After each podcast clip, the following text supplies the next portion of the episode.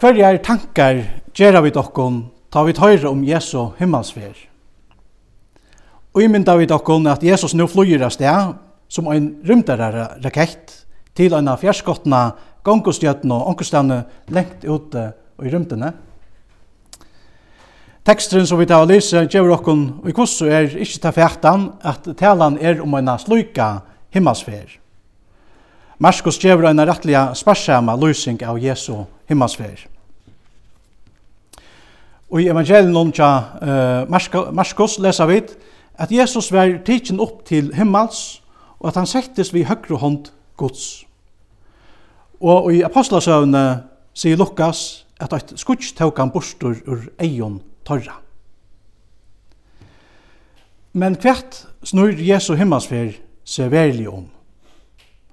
Og hvem tøytning hever Jesu himmelsfer fri okkon og i det. Det skal vi hitja sin nærjagt. Færri ut om allan heimen og kundgjere gleivbåskapen fri öllun skapningsnån, sier Jesus vi lærersvennerne.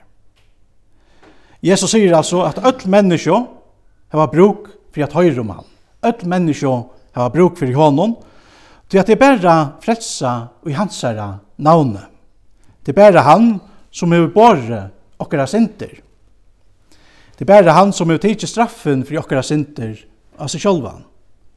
Og det er bare han som er sikra iver okkara futsinda, satan, synd og iver deianon sjolvan. Tøykon vi døysne trygt vent okkon til han, til Jesus og til hans herra gavo, som han så gjerna vil gjev okkon. Sintana fyrigjeving, og evigt liv. Og det har vi alt bruk for det. Deien er en veriløyke som vi avhaldande ha mynt av. Vi vet at vi öll er i samme bate da det snur seg om deien. Men korsene så har Jesus brukt alt dette her for jokken. Vi som i opprøysten har han nemlig sikra vi sjolvun deien. Og i hånden og jeg vil tog øyna livande vevn, en avverande vevn, en vevn som heldur òsne ta vi skulle hiane, ta vi skulle dodja, tog at vi vita at vi skulle rys upp fra deion, lika som Jesus òsne rys upp fra deion, som frumgrauren av taimon som sauna er og bostur, sier Paulus. Det vil si at vi òsne skulle rys upp. Hvordan kan det være? at vi talte av vi saunast om henta mannen, om Jesus, og fyrir at høyre om han. Øytervist, og det er at vi ikke har haft nekran glede på skap saunast om, om Jesus ikke røys opp fra deg. Kristendommer har ikke vært til om Jesus var verande og i grøvne. Men han var ikke verande i grøvne. Det hendte velja nekka i Jerusalem, fyrir om lai 2000 åren så gjerne. Jesus reis opp fra deion.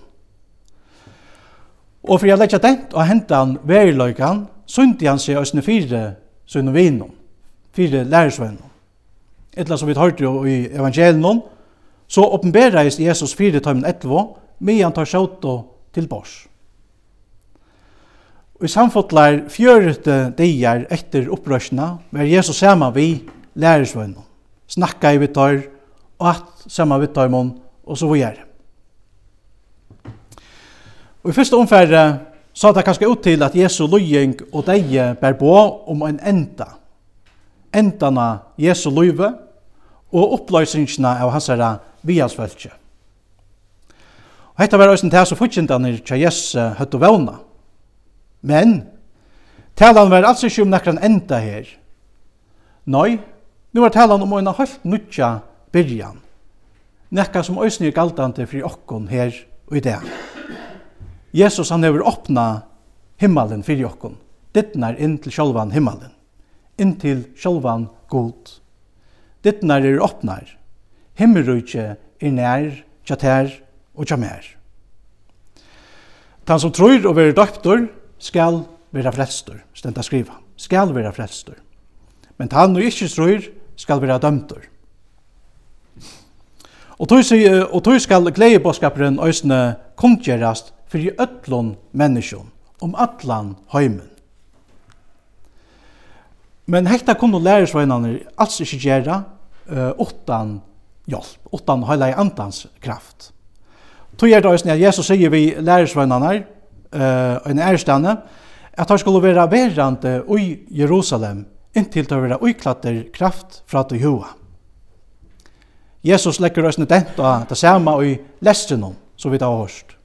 Men til skulle få kraft, ta høylaver ante kommer i vitikken, og til skulle være vittnemøyne, bæge i Jerusalem, og i atlare Judeo og Samario, og lykka til ytst og endamersk av hjørne.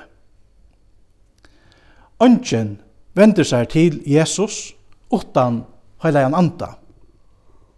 Og apostlene megna til ønsken utan han, utan heilagan anta, utan heilagan antas kraft.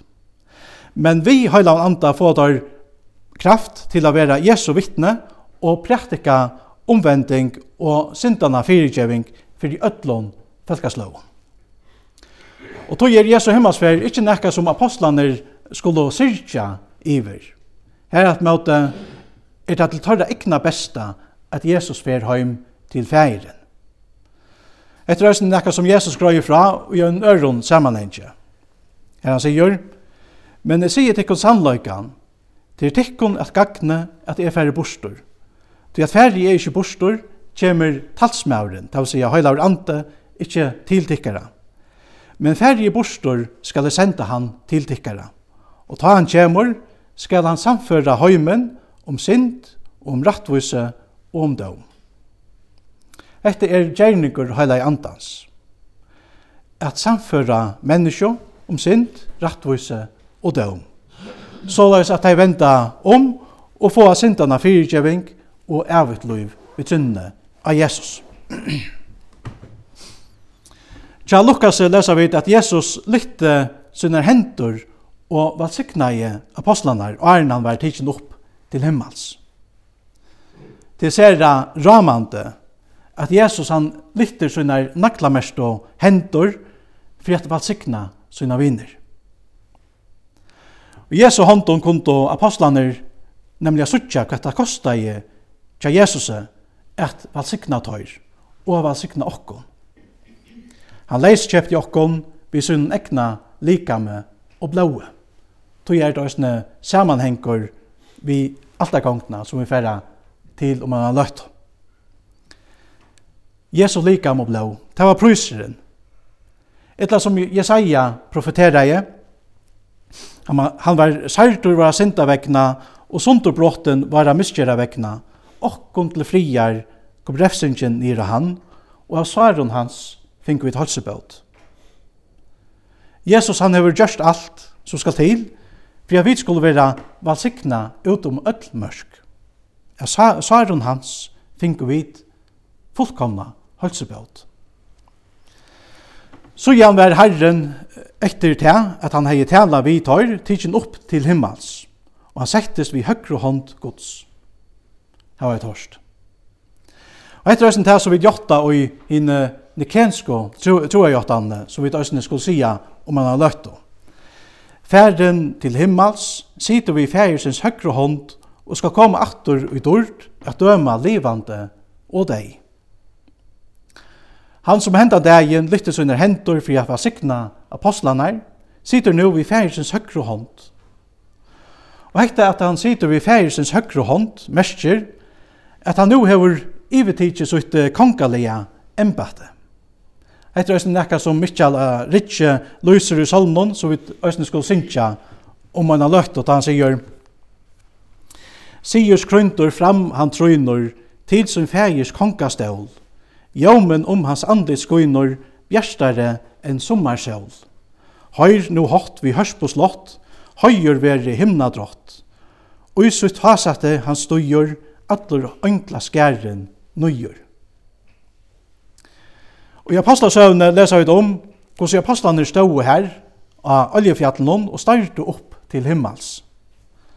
Brottliga, mjanta stande her, kom og tvart ønklar tiltøyra og søtte tid Galileumenn. Hvor standa tid å hitje opp til himmels? Hesen Jesus, som er opptidgen fra tikkun til himmels, skal komme attur av samme hatt som til sauan færa til himmels, søttetår. Jesus han var færen til himmels, heim til færen. Og ta kom ikke få han attur vi har stande her og stæra opp til himmels. Her at møte, løtte ønglander denta, at Jesus han skulle komme attur Det var altså ikke talan om å sørsta farvel. Det at han samme Jesus skal også komme atter av samme hatt som tar sjå han færa.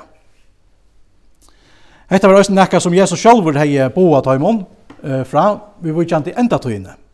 Da han sier, og ta skulle ta suttja menneskesånen koma og skoi, vi måtte og miklare dord. Men i mån til himmelsferina, er Jesu atterkoma nekka som öll menneskjo skulle suttja. Så i han kjemur i skutsjonon, og kvørst eia skal suttja han, stenta skriva i oppenberingsne. Jesu himmelsfer, og lyfti om bægi høyla i andans komo, og Jesu atterkomo, fyllt i apostlanar vi møyning og glede. Ta vore og støvot og i halgjedømnon, og lova og gode, stendet av øsne skriva. Lykka som tøyr, heva òsne vit atle årsøk til a saunast fyrir at lova gode, så som vi gjer i det. Kvoi? Tøy at Jesus han er risen opp fra deion, og han er færen til himmels. Kvoi til sånne ondre er langt og hent. Jesus han hever langt og sendt okkon høyleian anda, og han er her i det. Etla som Jesus sier vi apostlanar, Jeg vil ikke lete at dere være etter fengerleiser. Jeg kommer til tikkere. Så han er tja okkon og i det, kvendt det, vi høylavun anta. Vi er ikke ansamhelt. Apostlaner var menneske og lykka som vit. Tar høtt og vøykløykar, sturaner og sorger. Men Jesu himmasfer talar nemlig inn i okkara loiv. Øysene tatt er trupult vegna himmelsferina og heilige andas komo, er Jesus nu hin nærverande fredsaren fyrir okkon öll. Vi kunne luta at han er vi okkon allar deir, bægje og vikengje og i møtgengje. Etta som Mitchell og Ritje sier, og skal enda vi a sia til han. Skutsk som her mer syne forar, fjallir oi med fire tær, tjøknum bjørg og blåar skårar, fullvel eia tutt med seg her. Gjers mer veren trong og vond, rattur to mer hjelpar hånd. Og til sørst to vilt mer husa, hot skal gjersta mutt ter prysa. Lov og takk og atler høyur, vil det her, god og varon, feir sine og høylaun anda, som alt og hever verre, er og alt og verer øynsannur, tru øyner god, halover fra fyrste opphavet nu om alla rævr. Amen.